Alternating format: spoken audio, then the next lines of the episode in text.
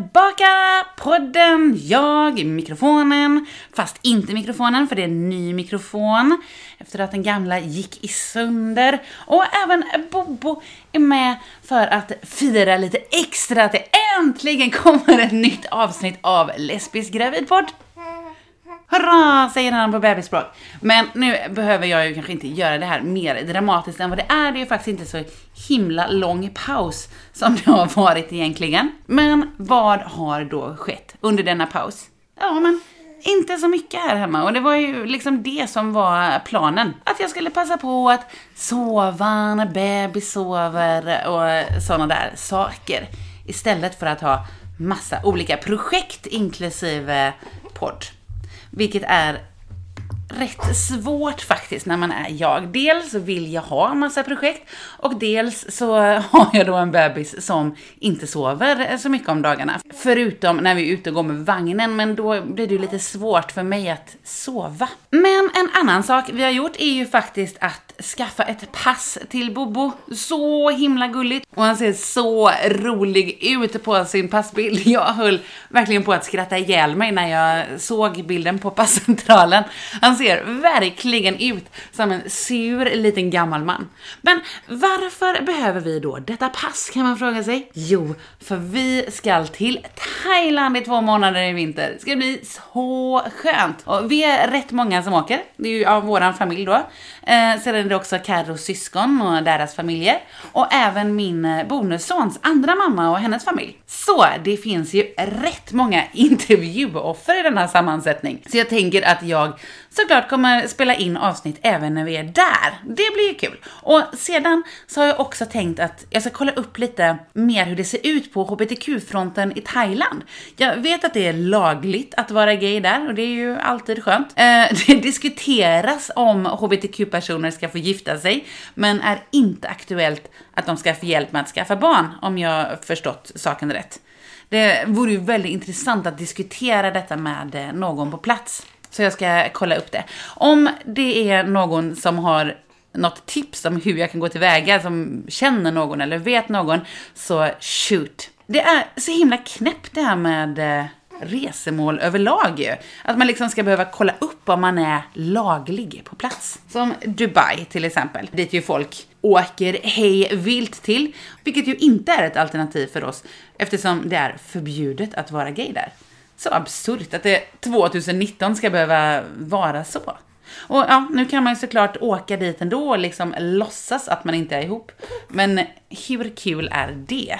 Veckans gäst är Paula och hennes snart sex månaders gamla bebis Frances. Paula började precis som jag att vilja ha barn först eh, lite senare i livet. Och när hon och hennes partner då vände sig till landstinget för att sätta upp sig i inseminationskö så fick de inte det. För enligt landstingets regler så skulle Paula vara för gammal när det väl var dags för deras tur i kön. Men gjorde detta då att Paula slutade vilja ha barn? Nej, såklart inte. Och var hon för gammal för att bli gravid och ha barn? Nej, såklart inte. Hur det gick till när Frances skapades och föddes, det hör ni mer om alldeles strax. Igår fick vi hem ett brev med beskedet att Bobos faderskapsutredning är nedlagd. Ungefär exakt tre månader sedan utredningen påbörjades. Men jag antar och eh, hoppas att de inte har jobbat med detta fall konstant sedan dess såklart. Beslutet togs i alla fall på dessa grunder. Eftersom det visar sig omöjligt att få erforderliga upplysningar för att bedöma faderskapet samt då det framstår som utsiktslöst att försöka få faderskapet fastställt av domstol finns skäl att lägga ner påbörjad faderskapsutredning är rätt tveksam över vissa formuleringar där alltså, samt att en sån här sak ens behöver göras. Det borde väl finnas bättre saker att eh, lägga resurserna på. Ja, men nu är i alla fall faderskapsutredningen nedlagd och vi kan påbörja processen att Karo ska få adoptera sin son. Apropå olika sådana här, vad ska man säga, faderskapsgrejer, så har jag tänkt på en del med det här med manliga förebilder. Alltså inte så att jag har tänkt på det som att åh nej, nu har ju mitt eh, pojkbarn ingen manlig förebild. Utan jag har tänkt mer på vad de som pratar om manlig förebild tänker. Jag vet att eh, frågan kommer hen ha tillgång till någon manlig förebild dyker upp ibland i adoptionsprocesser. Och jag vet att det är random människor som liksom pratar om det också. Att manliga förebilder behövs till barn med lesbiska föräldrar. Men vad är då en manlig förebild och vem är en manlig förebild? Räcker det att vara man för att bli en manlig förebild? Kan en transman eller en icke-binär vara en manlig förebild eller måste det vara en cisman? Och vad är då denna mans uppgift? Är det att eh, prata om samtycke och sådant? Är det att eh, lära barnet att raka sig och vara intresserad av sport? Varför är det just en man som måste vara förebild också? Och vad kan männen som inte vi kan vara förebilder med?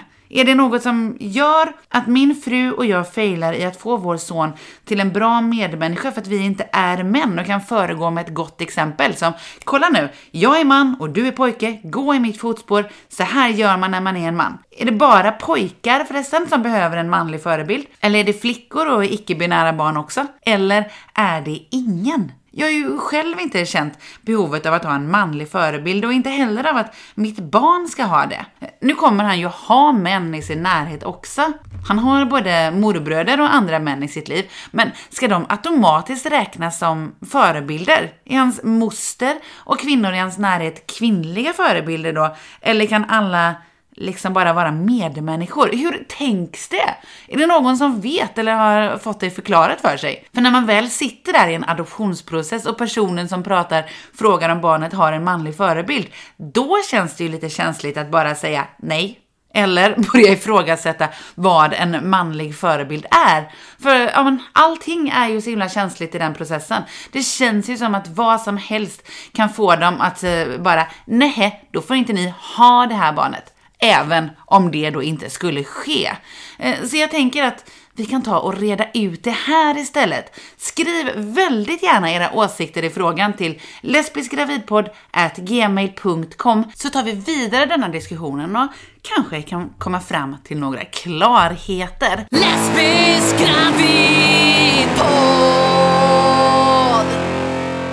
Dagens fråga är faktiskt från mig till er. Jag anser inte mig själv proffs på att vara vare sig lesbisk, gravid, på att föda barn eller ha barn. Så därför så säger jag liksom inte att min åsikt är rätt här, som den ju alltid är annars. Men en sak som jag har tänkt på en del, det är det här med eh, alla undersökningar och enkäter som riktar sig till lesbiska småbarnsföräldrar eller lesbiska gravida. Eh, de syns ofta på Facebook i olika grupper eller så kanske man får frågan av sin barnmorska om man vill delta. Och jag får ofta förfrågningar om att eh, dela sådana undersökningar i podden eller på Facebook eller på Instagram. Och ja, ett par gånger har jag väl gjort det, men Oftast inte, för jag är så himla dubbel till det hela. Jag, alltså jag älskar forskning och att det forskas om olika saker. Men jag tycker att det är så väldigt mycket om just det här. Och ja, det kanske är jättebra, jag vet inte. För vad jag har sett så är det ju bara bra saker som har kommit fram av det. Det har konstaterats att barn till lesbiska föräldrar har mer empati och förståelse för olika sätt att leva och sådant. Men det är just det här med att känna sig som ett forskningsobjekt. Jag gillar det inte riktigt. Jag liksom skulle inte jämföra det med djurförsök, för det är ju såklart väldigt mycket värre. Men det är ändå åt eh, det hållet jag får känslan. Vad, vad tycker ni? Hör jättegärna av er med det, för kanske är det hur bra som helst med all forskning om lesbiskt föräldraskap och i sådana fall så vill jag ju dela alla undersökningar jag får frågor om att dela. Just nu är jag splittrad. Lite på samma sätt som att jag är splittrad till straighta influencers som glittrar sig i ansiktet och festar loss i Pride-paraden. Är deras stöd bara en fin sak? Eller tar de liksom en parad i besittning som inte är deras bara för att få lite snygg bakgrund till sina bilder på Instagram? Ja, det är dock inte diskussionen denna gång, utan det är det här med undersökningarna och enkäterna jag vill få mer klarhet i. Känner ni er forskade på, precis som att vi är en väldigt märklig grupp som lever på totalt andra sätt än vad andra gör. Eller som att det bara är en väldigt bra sak att forskning görs. Berätta hemskt gärna, för jag vill, ja, jag vill veta hur jag ska förhålla mig till undersökningarna och enkäterna. Men nu tycker jag faktiskt verkligen att det är hög tid att ta in intervjun med Paula. Paula och Frances, välkomna till Lesbisk gravidpodd! Tack så mycket. Igen, för ni har ju faktiskt varit här innan. Ni var ju här för nästan en månad sedan när mikrofonen gick sönder. Ja, Så tack för förtroendet att eh, ni orkar och vågar komma hit igen. så lite så. Har du lust att berätta lite om dig själv och din familj? Mm. Jag heter Paula.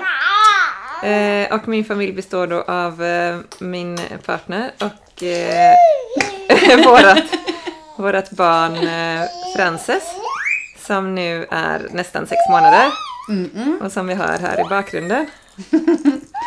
Både Frances och Bobo är ju med här i eh, podden och medverkar Ja. idag. Eh, Men du och din partner, ni har alltså Frances här som Ja. är strax sex månader. Ja. När kom ni på att ni ville ha barn tillsammans? Ja, jag kan ju bara prata för mig då, men eh, jag ville verkligen inte ha barn eh, fram tills ganska nyligen.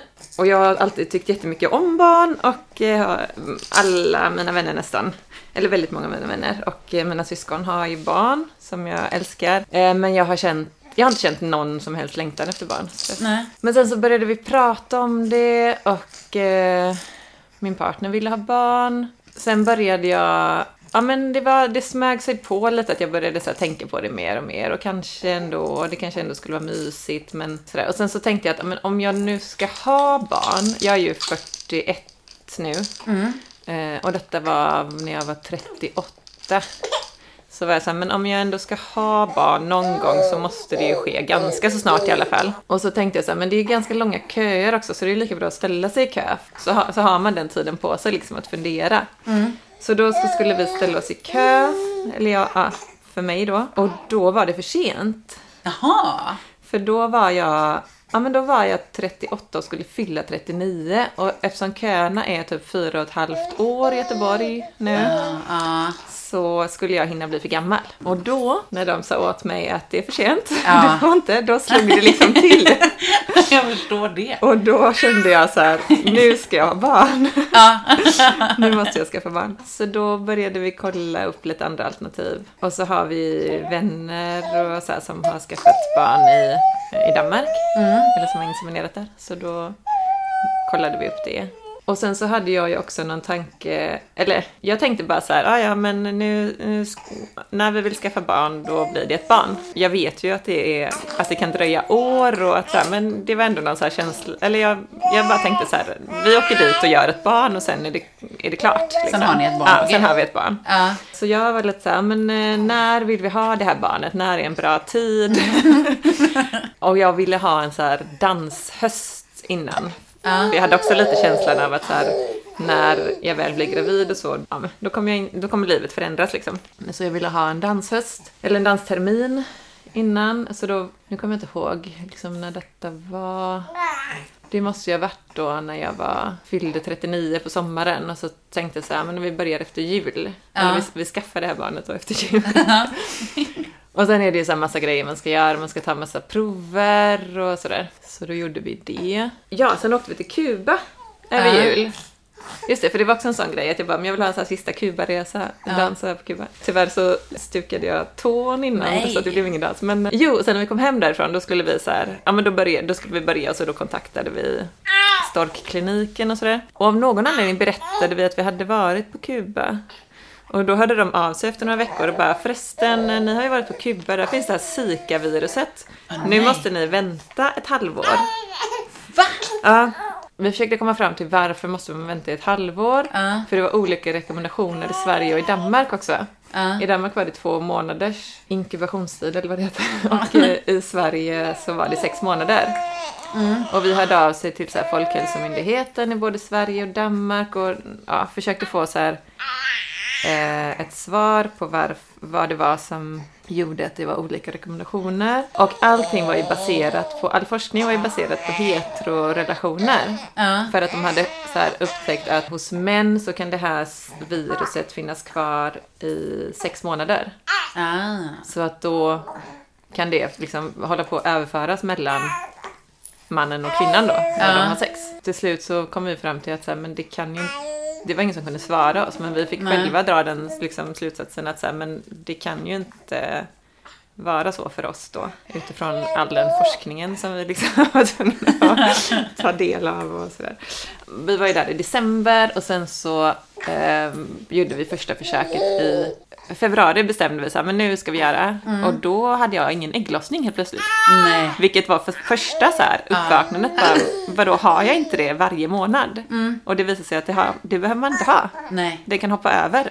Varför får man inte reda på sådana Ja, saker innan? Så och- var det för mig med. Precis. Och, då, och de här katastroftankarna kom ju direkt att så här, och nej, jag har, ingen, jag har inga ägg kvar, jag kommer inte kunna bli gravid. Men sen så hade jag ägglossning i mars. Då åkte vi till Köpenhamn. Men var det självklart att det var liksom inseminationer ni skulle köra med en gång? Ni funderade inte på IVF eller? Nej, jag visste ju att jag skulle bli gravid direkt. Ja. Så att, eh, det var ju ingen, Here, ingen here. idé liksom att lägga massa pengar på IVF. Jag hade nog sån tillit till min kropp också och tänkte så Mm. att men det är klart att min, och jag hade så väldigt regelbunden mens och kände mig ung. Nej men så här, Ja. jag hade bara en, ja men jag tänkte att så här, det här kommer ju min kropp, varför skulle jag inte bli gravid? Eller så här, vad är det som inte skulle fungera? Plus att vi hade ju då kompisar som hade varit där och blivit gravida på första försöket så det var så här, ja men det är så det går till. Jag hade nog inte hört de här historierna om när det inte fungerar. De som jag känner som har inseminerat, då har det gått snabbt liksom. Jo, och så finns det ju massa så siffror, typ så här stor är sannolikheten att du kommer bli gravid. Och de Ja. siffrorna fattar inte jag hur man ska tolka, för det var ju så Nej. här 5% per gång typ. Ja, ja det är Om man kollar på så här jättesvårt. ens ålder och allting. Ja. Men, men hur, då kommer jag ju aldrig bli gravid. Nej. Eller kan man lägga ihop alla Ja, och då jag- räkna ut ja, att så många försök fatt- kommer jag behöva? Jag fattar verkligen inte den där. Nej. Ja, men då så blev det i alla fall inget i mars. Sen åkte vi i april igen och då blev det ingenting. Och då, är det, då börjar man ju... Jag lyssnade ju på din, eh, ditt avsnitt där också, men försökte med det här att man helt plötsligt hamnar på familjeliv. Ja. alla vägar leder till familjeliv. Ja, och där finns ju alla de här historierna. Ja. Om folk som inte har lyckats, och, men också om de som liksom fick sin mens men ändå var gravida och allt Ja, Och man känner ju så här hundra olika symptom. Och jag kände jättemycket symptom båda gångerna men jag tror verkligen inte att jag var gravid. Nej. Eh, Så, för jag fick ju min mens också på dagen när den skulle komma. Och sen så i juni så då åkte vi bort just den helgen när jag eh, hade min ägglossning. Så då, hoppade vi, eller bestämde vi så här att ja, men då hoppar vi över för vi åkte liksom norrut och så kände vi att men det för krångligt att åka till Köpenhamn om det nu skulle bli natt. Så vi hoppade över den här månaden. Och sen så körde vi i juli igen och då gick det. På tredje Tredje försöket. gången gillt. Ja, och det var ju tur. Ja. Wow, var det det som blev bra? Ja. Och nu berättar hon sin version. Då, då hade jag bestämt mig för att men nu ska jag inte känna efter, nu ska jag inte gå in på familjeliv. Vi var så här, vi hade köpt en ehm, eh, stuga precis, Ja. som vi var i. Där det, där det heller inte finns någon el och så, så man kan liksom inte hålla på och gå in på internet och Nej, skönt. eh, sådär. Vi var där när jag skulle få min mens, alltså då när det hade gått två veckor efter inseminationen. Ja. Och jag kände så himla mycket, jag hade mensvärk, jag hade PMS, jag var verkligen så här, ja ah, men det här är kört, nu kommer det. Jag tog en öl, Ja. jag åt lite getost. Jag var helt övertygad om att eh, det inte hade blivit någonting. Och sen så när vi kom hem då, då, var, det hade det gått några dagar efter jag skulle fått min mens. Så gjorde vi ett test och så var det positivt. Åh, den känslan. Så sjukt. Det, ja, verkligen. Ja. Men hade du gjort någonting annorlunda inför den tredje inseminationen?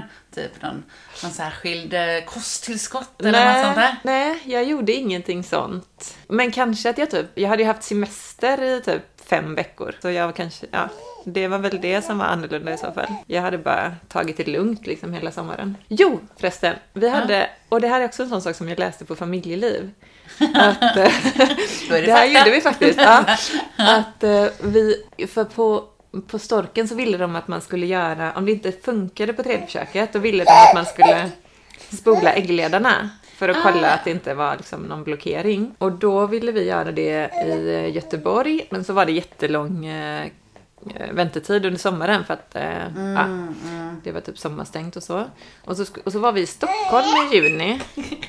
Och så, så hörde vi av oss till eh, samma klinik fast i Stockholm. Ah, ah. Och då hade de en tid där när vi var där. Så då gick vi dit. Oj. Vi bara, men vi ska göra en sån här spolning och vi vill bara kolla, ja, kolla upp liksom att allting är okej. Och de bara, ja, men då ska ni inseminera här sen då. Vi bara, nej vi ska till Köpenhamn. Så- och han, läkaren bara, men då får ni inte, alltså då, då kostar det, jag vet inte hur mycket det skulle kosta för nu gick, gick det ju på vanliga så här, som ett vanligt läkarbesök. Så vi bara, aha, nej men, nej men då gör vi det här. vi ska inseminera här. Oj, det var visst fel bara.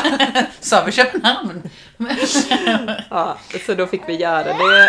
Men då, jo, och då var det så här någon liten blockering i den ena.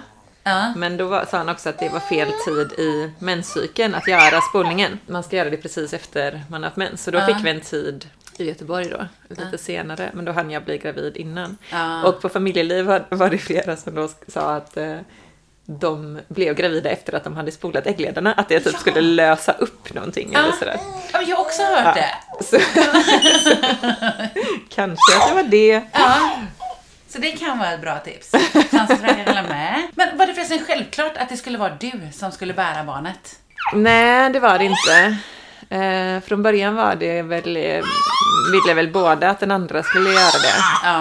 Eh, men sen så var det också att om jag, min partner är ganska mycket yngre, så det, var också, det är också så här att om jag nu skulle göra det så skulle jag göra det nu liksom. Så det blev Så det blev jag. du, du Ja. drog det korta strået.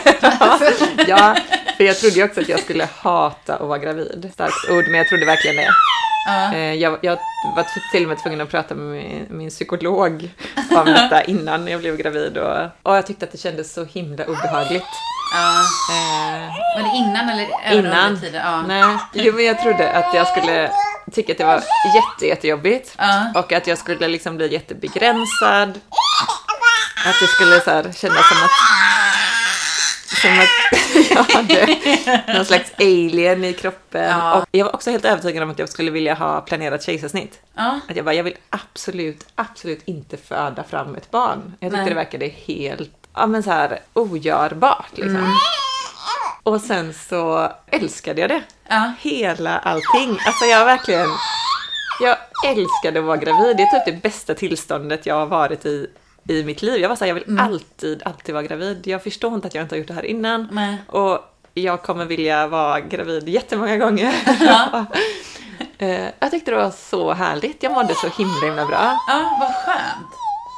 Och jag hade noll förlossningsrädsla när jag väl blev gravid. Det, kom, det bara försvann. Så det ändrades där under eh, tiden helt Ja, enkelt? jag lyssnade ju jättemycket på så poddar eh, eh, om förlossningar. Ja. Så jag, fick, ju- jag hörde ju så här alla olika scenarier, allt som kan gå fel, alla olika typer av förlossningar, så här, flera hundra avsnitt liksom. Mm. Ja, av jag förlossningspodden och så här. Ja. Så, och det, jag tyckte det var, det, det var liksom inget som skrämde mig, så här, utan det var bara så här, ja, men jag vet, jag vet typ allt som kan gå fel och det brukar ändå gå bra. Och sen så tänkte jag ju hela tiden att jag skulle vara med i förlossningspodden då efter, eh, ja, Ja. och berätta om min egen förlossning och så här. Ja. Men eh, sen kom ju du. Så hamnar du här. Det är jag väldigt glad för. Ja, det är vi med. Att jag vann dragkampen. Men det är precis så jag gjorde också. Jag hade, tänkt planera ett kejsarsnitt Mm. och sen ändrade under tiden. För också när man väl börjar Konstigt, tänka på, för jag tänkte ju bara så här, kejsarsnitt är att inte trycka ut Ja. en bebis. Eh, Men sen när man också börjar fundera på vad kejsarsnitt är. Ja, Att så här, då, då ska någon skära upp, eller då kände man, nej men hur kan jag ha velat det? Ja. Det är ju ännu läskigare. Det kände jag. precis. Eller någon form av ändring. Undrar om det är hormoner som gör den här ändringen eller om det... Ja, Ja, jag vet, jag vet inte. Nej, för vissa vill, eller vissa vill ju ha det även när de är gravida. Ja. Eller så, så att, men ja, för mig blir det verkligen en sån... Och jag redan så här, jag har kollat på kort nu från men, jag tyckte ju att det syntes liksom när jag var typ i vecka 10 kanske. och började gå med så här tajta kläder och visa upp min mage. Jag har kollat på kort nu från den tiden. Folk måste ha tyckt att jag var helt asjobbig. Och vi började ta så här vecka för vecka bild då också och ty- jag kommer ihåg att vi tyckte liksom också oj oj oj, en sån mage. Men eh, hade ni öppen eller anonym donator? Vi har öppen. Ni har öppen? Ja. Hur tänkte ni där? Var det liksom självklart att det skulle vara det? Nej, det var inte självklart. Men vi landade nog i att eh, hon får bestämma det själv sen när hon blir vuxen. Ja. Jag tycker det var svårt att bestämma det och det känns lite som att Alltså det, kän, det känns inte som en livsavgörande, det är liksom inte ett livsavgörande beslut. Eller så här, det är som, ja, men vi får välja det ena eller det andra. Och ja, vi valde det för då får hon, då får hon välja istället. Ja, ja precis. Ni slipper ta det. Precis. Men sen när ni höll på att försöka bli gravida, Mm. hur öppna var ni inför en omgivning och på jobben och sånt där liksom? Att ni... Men vi på? berättade för eh, några nära vänner. Mm. Eh, men inte för familj. Nej. Det var några som visste om det, några få. Men för, dels för att eh, ja, men jag tror folk som själva liksom hade gjort det för att man, så här, det var skönt att få liksom, lite tips och pepp och sådär. Eh, och sen så ja, men sen var det ganska skönt att ha några som var med i den processen. Ja. Eh, att inte vara ensamma i den. Men eh, det hade varit jobbigt om alla visste, om alla höll på att fråga liksom, hur går det och sådär. Ja. Så att vi berättade för några få. Och eftersom jag inte har velat ha barn, alltså verkligen inte, Nej. det har ju verkligen folk vetat om, Ja. min familj och så. Ja. så blev ju alla väldigt förvånade sen jag väl berättade det. Ja. Det var desto roligare ja. när jag berättade att, eh, och det var ju, jag i vecka 12 tror jag. Ah. 10 eller 12 efter vi hade gjort första ultraljudet. Ja. Så skickade vi bara en liten bild. ja, det var väldigt roligt. Ja. Ja, det förstår jag. Det var en superöverraskning. Men hur blev ni bemötta inom eh, vården? Sen stötte ni på några fördomar? Eller gick det bara Nej, finfint? inga fördomar. Nej? Jag tror att i Göteborg och så Stockholm som vi var då så är ju eh, de flesta kliniker är ju så här HBTQ-certifierade. Det som jag tyckte var, det som man märkte av det på var att folk kunde överanstränga sig. Ja. Eller så var så här överpositiva. Ja. Och att de, vad ska man säga, vi, alltså min partner är ju transperson och icke-binär och det finns liksom inte ett språk för det. Nej. Eh, det är så här samkönade, det är mammor och att när vi själva skulle förklara, alltså det blev så här, jag tror att vi ofta liksom bara lät det vara, att de bara fick säga det de sa utan att vi liksom protesterade och sådär. Men, eh, men annars var det så väldigt bra bemötande. Och just och så det här också, om det också med språket att göra, men typ att det, blir, att det är så pappa eller partner ofta. Åh, det är så dumt. Eh, Men vi var på en sån här föda utan rädsla-kurs. Och då så sa hon genomgående, hela tiden så sa hon, för där är det ju alltid eh, den som ska föda och en till som är med på den kursen för att den riktar sig också till stödet då. Eh, och då så sa hon hela tiden så här, ni som eh, bär bebisen i magen och ni som är med som stöd. Ja. Det sa hon genomgående på hela den. Det var så himla bra. Ja. För då, då spelade det, alltså det fanns liksom inte, hon, alltså inget om kön överhuvudtaget liksom. Nej. Tips Ja, precis. till alla Note. Som jobbar inom vården. Eh, Det är ju väldigt bra. Men annars tyckte jag att det var ett bra bemötande liksom. Skönt. Och din partner kände också det? Ja, eh, mestadels. Det var någon eh, incident som var lite jobbig men annars var det bra. Ja, bra. Hoppas det blir ännu bättre framöver också Ja. för andra. Och också att de kanske, de flesta, jag kollade ju på de här, det sitter ju uppe så klistermärken att de är, har den här certifieringen. Ja. Och väldigt många var ju typ från så här 2012 och så här, det kanske Ja. behövs en liten uppdatering. Precis. Ja. Eh, Att den här helgkursen eller vad det är man får behöver göras om. ja, men precis. Lite grann som eh, ja, men, här, bilbesiktningen. Ja, precis. HBTQ. Du tänkte så babysitningen först. Ja, precis som babysittaren. Men hur förberedde eh, du dig sen inför förlossningen? Var det något speciellt du hade tänkt på inför den? Eh, Ja, alltså gud, jag förberedde mig extremt mycket. Ja. För jag gick ju in i det här väldigt, väldigt mycket, den här graviditeten och det var ja, det enda jag tänkte på, det enda jag ville prata om och enda jag ville titta på och lyssna på. Så jag lyssnade ju på alla de här avsnitten eh, av olika poddar. Jag läste böcker, eh, jag pratade med folk så här, som hade fått barn. Och sen så gick vi den här Född utan rädsla-kursen som också var super, superbra. För jag trodde ju också innan att jag skulle... Jag hade väldigt mycket föreställningar, verkar det som. eh, om graviditet och förlossning och allt möjligt innan som bara blev något helt annat. Men jag trodde ju också att jag skulle inte vilja ha något stöd. Jättekonstigt, men jag trodde att jag så här, jag, jag ska föda fram det här barnet, jag kommer gå in i mig själv och jag behöver bara koncentrera mig själv och jag kommer bara bli irriterad om de försöker ta på mig samtidigt och så här. Och bara tanken på att någon ska så här, stå i örat på en och så här viska något lugnt. Ja, ja. Eh, Men sen när vi var på den kursen och man gjorde de här övningarna då kände jag bara, men gud vad skönt. Det här kommer jag behöva hjälp med att slappna av och det här var jätteskönt. Vilket ju också var skönt för min partner, för den hade jag också känt lite innan att så här, men vad ska jag göra Ja. under den här förlossningen? när du ligger och vrålar i dödsångest. Hur ska jag förhålla mig? Ja, Men så så att det var ju bra att förbereda sig tillsammans och sen så typ tränade vi lite på det innan då.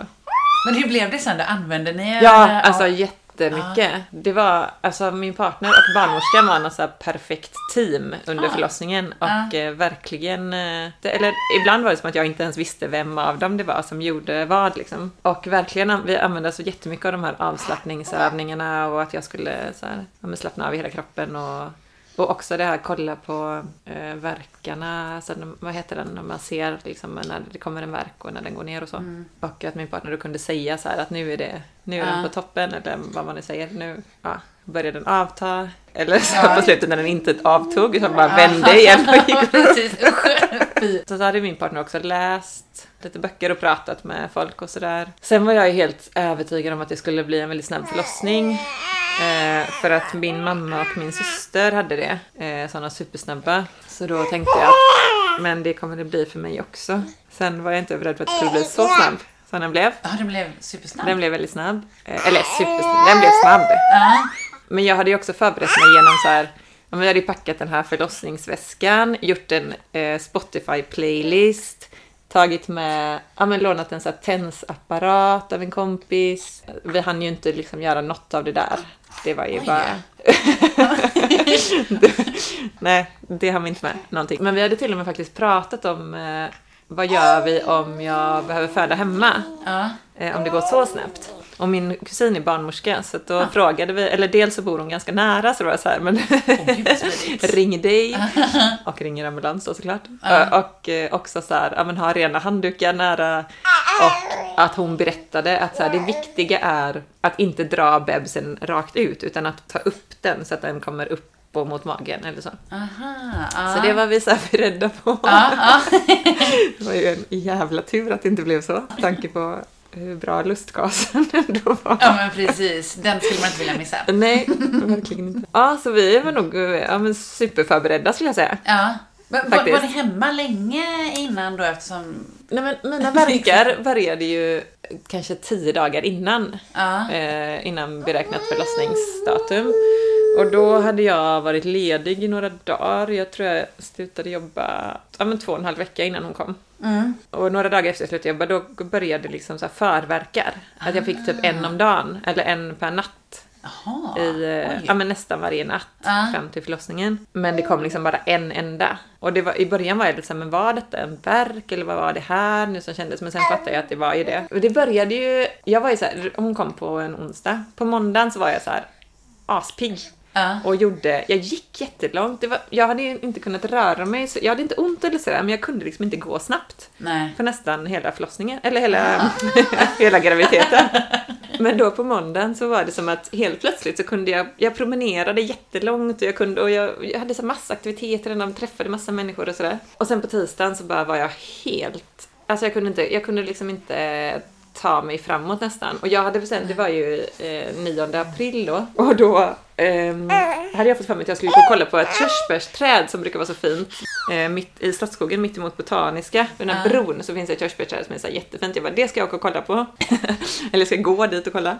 Och jag gick så här myrsteg i Slottsskogen. Jag, jag bara, det här är helt sjukt. Är det för att jag gick så långt igår eller vad är detta? Och sen hade vi kompisar hemma på kvällen.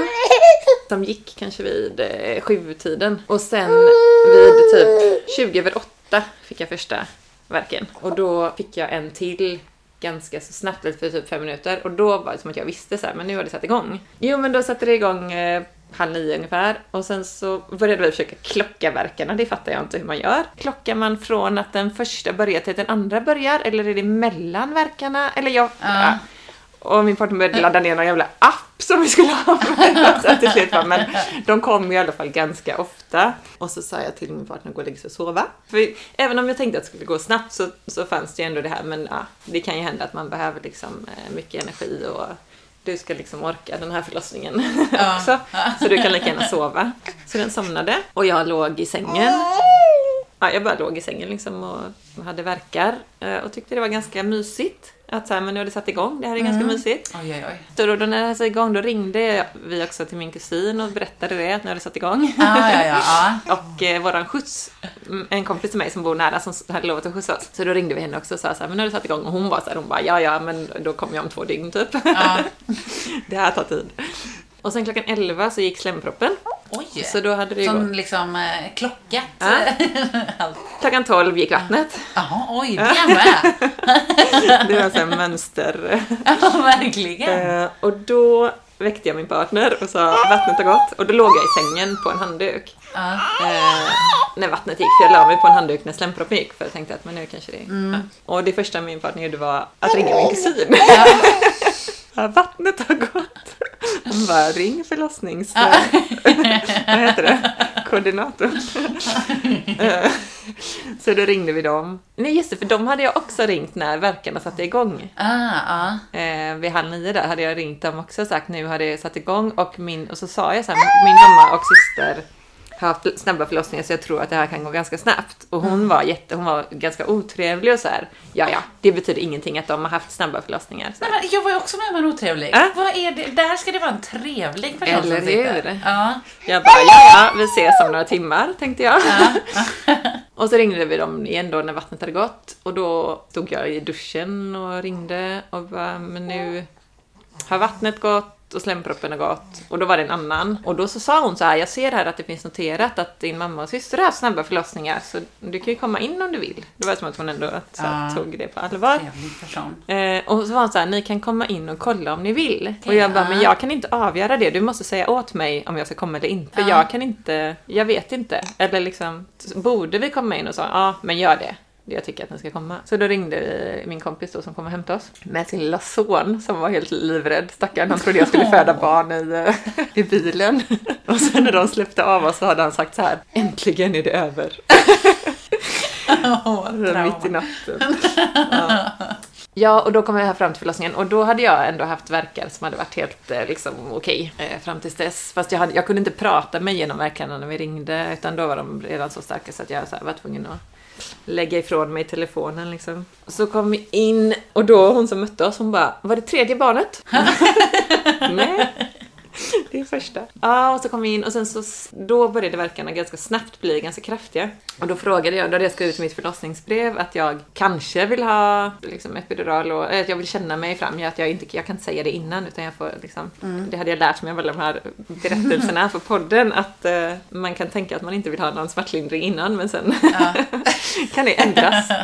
Och då, jo, de blev snabbt väldigt kraftiga, så då frågade jag, men om jag tar epidural nu, kan det här avstanna då? Hon bara, Ja, det kan du ju göra, så du får ju bestämma dig själv om du vill ha eller inte. Så jag bara, men jag avvaktar. Och så du kan ju testa att lägga dig i ett eh, bad. Det Ja. kan hjälpa. Så då fick vi komma in i det här badrummet. Gjorde du det också? Var det Nej. också det där klaustrofobiska, Nej, men det var ju- inkastade lilla Nej, men badkaret? där, ja, det var ett pyttelitet Ja. badkar. eh, Men det var ändå så här, fi, de hade så här eh, Happy Lights och Enya. På, Oj! var det bara så här. Eh, Mitt bad kändes mer som en Jag kan inte föda barn till Enya. Det här får ni stänga av. Ja, men sen så, och så kom jag ner, jo just det, för då hade jag tagit, jag hade ändå tagit lustgas från att jag kom in. Ja. Det liksom ville jag ha direkt. Och så kom jag ner i det här badkaret och fick panik. Ja. Alltså, då kom den första riktigt kraftiga verken precis när jag kom ner. Jag hade ingen lustgas och jag låg, ja men då ligger man ju i någon slags gynställning fast i vatten. Men vi hade nog olika badkar då. Ja. För jag hade som ett vanligt inplastat Ja, badkar. nej, jag hade någon slags jacuzzi fast som var som en, man skulle ligga som upp med benen och jag, ja, jag fick sån panik och bara ta upp mig härifrån Ja. och den verken och ligga i den ställningen. Nej, det var så hemskt. Ja, fy. Så då fick de upp mig och skulle börja så torka mig och så jag bara ge mig lustgasen, ge tillbaka lustgasen.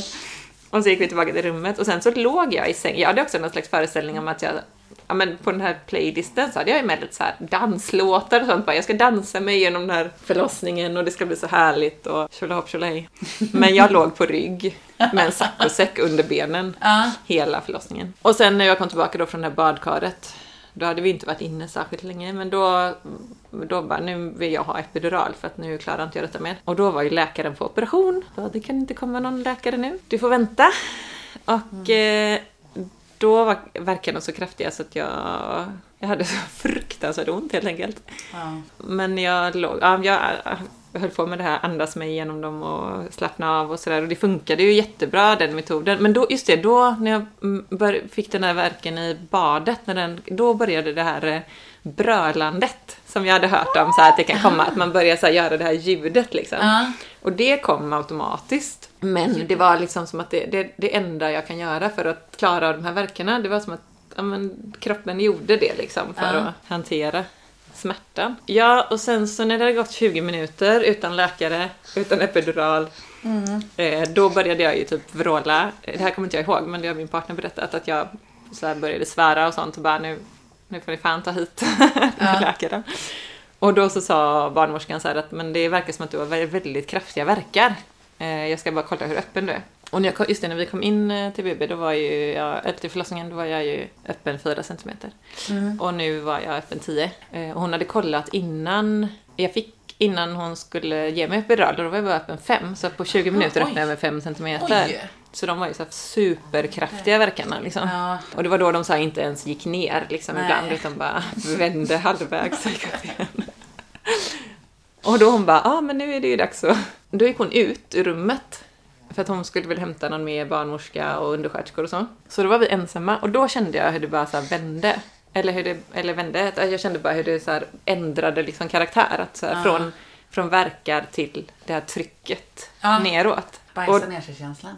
Ja, men när bara, men nu, okej nu kommer hon. Och då så sa jag det till min partner, att nu kommer bebisen. Så den fick liksom gå ut eh, och säga till att nu... och då, jag kommer ihåg också då att så här, barnmorskan började så här knappa på datorn. Men du vet, de skriver väl in så här hela tiden i journalen, liksom förloppet. Och jag bara, nu, den kommer nu. Så här, det... Och då så sa hon och så hon bara, nej men det här kan ta tid. Jag bara, nej, du kan inte säga så till mig nu. För då kommer inte jag orka detta. Du, Nej. jag vet att bebisen kommer nu och då, det här kommer inte alls ta tid. För nu trycker jag ut den här bebisen. Watch me. Och så gjorde jag det.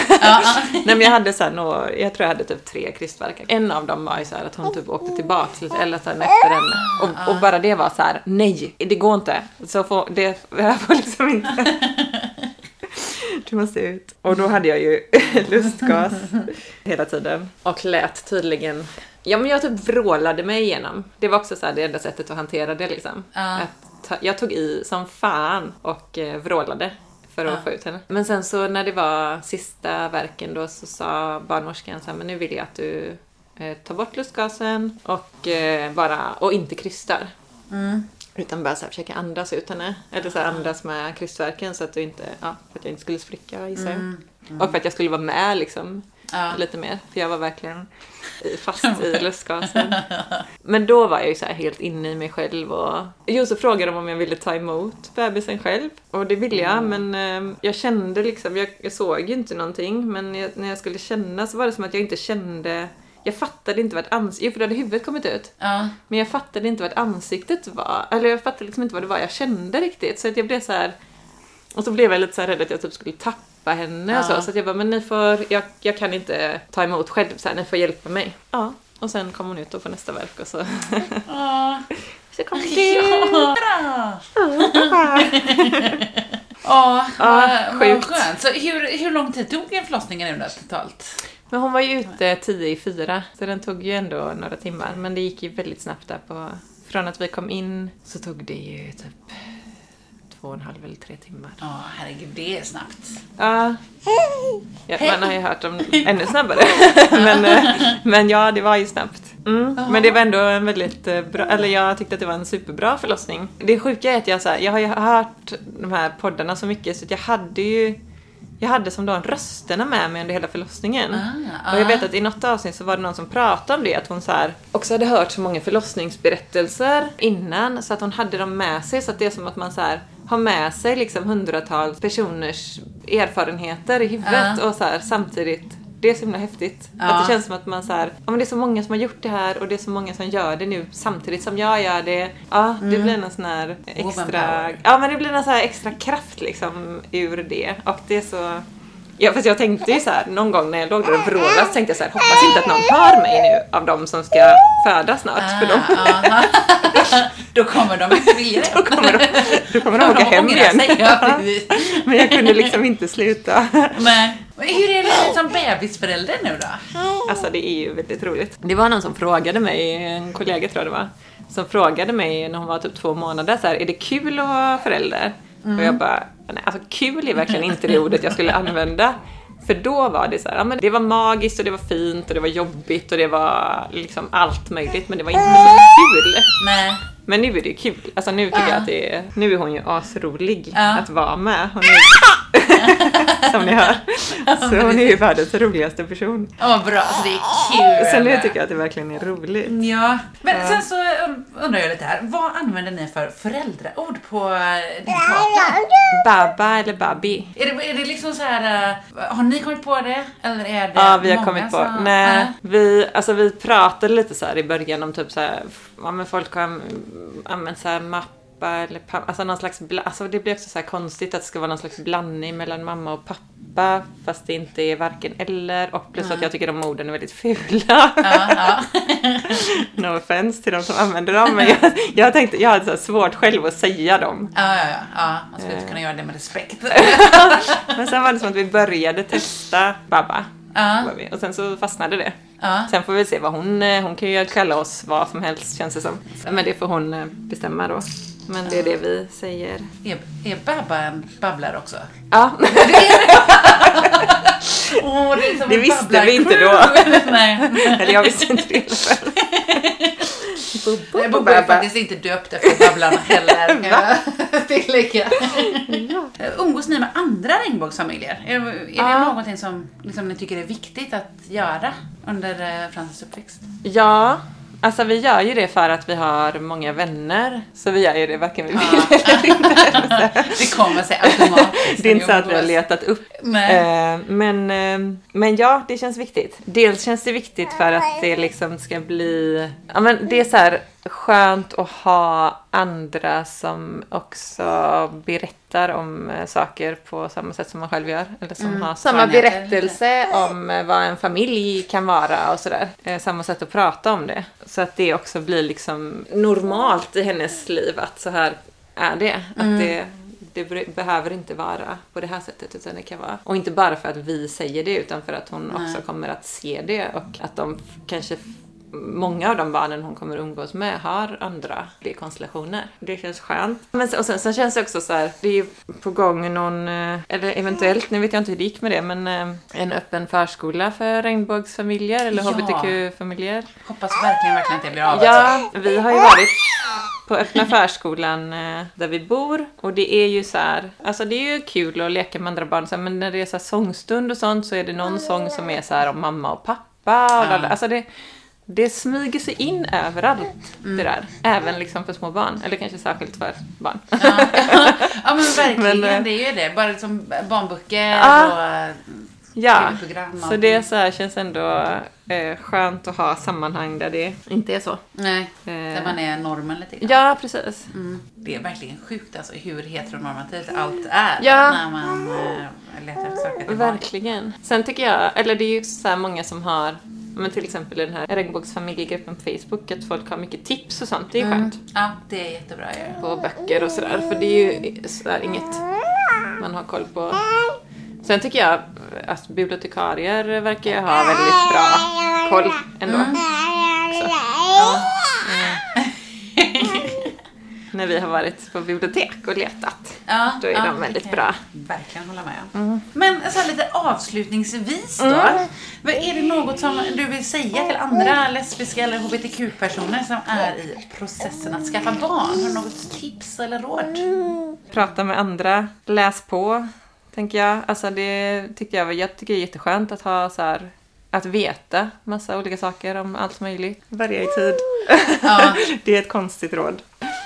Men tänk, Men tänk att det kan ta... Jag tycker generellt att de jag känner som har försökt skaffa barn, då har det gått snabbare för folk som har inseminerat En, än de som heteropersonerna jag känner som har eh, skaffat barn. ja, Så, så det är en bra väg att det gå. kan, ja, precis. Ja, men stort tack Ja, men tack så för att ni har varit med. Ja, tack för att vi fick vara med. Tack för att ni var Nu med. håller Frances på att äta upp mitt Ja, ansikte. precis. Det är därför jag känner att jag får avsluta här. Så du är hungrig. Aj, En zombie tror jag.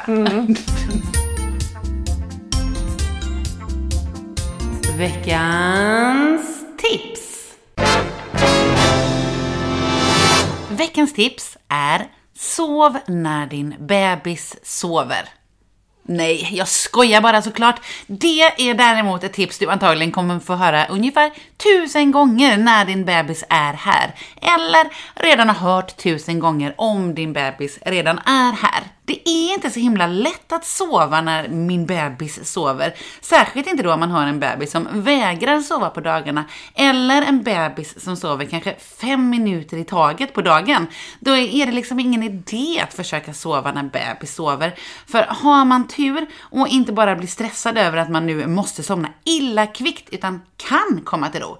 Ja, då vaknar ju bebis så fort man kommit lite till ro och är avslappnad istället för att vara uppe på tårna och beredd på allt som man behöver vara. Så mitt tips är därför istället förläng ögonfransarna och färga ögonbrynen om du är lagd åt det hållet, så ser du i alla fall lite pigg ut när du ser dig själv i spegeln.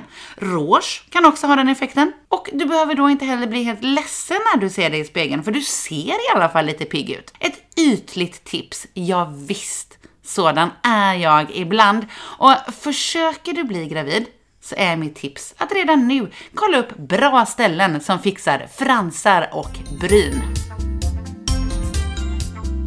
Detta var vad jag hade att bjuda på idag. Tack så mycket för att du har lyssnat. Nu ska jag gå och gosa med min bebis som är vaken och så söt. Det är mitt bästa råd förresten. Gosa med din bebis när den är vaken. Nej, nu, jag ska sluta raljera över sov när din bebis sover. Det är ju faktiskt ett jättebra råd. Det blir väl bara lite provocerande när det inte är genomförbart för att till exempel bebisen inte sover på dagen. Någon gång framöver här så kommer jag göra ett avsnitt som specialiserar sig på den icke-bärande mamman. Men inte att det kommer vara liksom en gäst som berättar hela sin historia från start till barn och därefter, som det brukar vara, utan jag skulle vilja ha flera gäster samtidigt, eller i alla fall två gäster samtidigt, som då inte har någon, vad ska man säga, större relation till varandra. Jag vet inte riktigt hur upplägget är tänkt att bli här egentligen, men jag håller på att fundera på det. Jag tänker att det i alla fall ska bli någon form av erfarenhetsutbyte och eh, ja, men även att man kan prata om eh, vad som är viktigt att tänka på för vårdpersonal och andra människor som eh, ja, men, träffar icke-bärande mammor och behöver lära sig ett och annat. Så jag gör helt enkelt en liten efterlysning. Är du mamma men bar inte barnet? Och vill vara gäst i Lesbisk gravidpodd så hör av dig till lesbiskgravidpoddgmail.com. Eller är det så att du känner till någon mamma som inte bar barnet som du tror skulle kunna tänka sig att vara med i podden så får du jättegärna berätta om detta för den personen och be den höra av sig till mig. Jag tror vi kan få till något bra som också är viktigt. Ja, nej, okej, nu är det gosa med bebis-dags. Ha det så fint så kommer det ett nytt avsnitt här någon gång snart framöver. Jag vet inte exakt när det blir, kanske inte exakt om två veckor det, ja, livet eh, hände helt enkelt. Men eh, prenumerera på, eh, på den och ha koll på Lesbisk gravidpodd på Instagram. Så lovar jag att du inte missar något. Puss puss! Lesbisk gravidpodd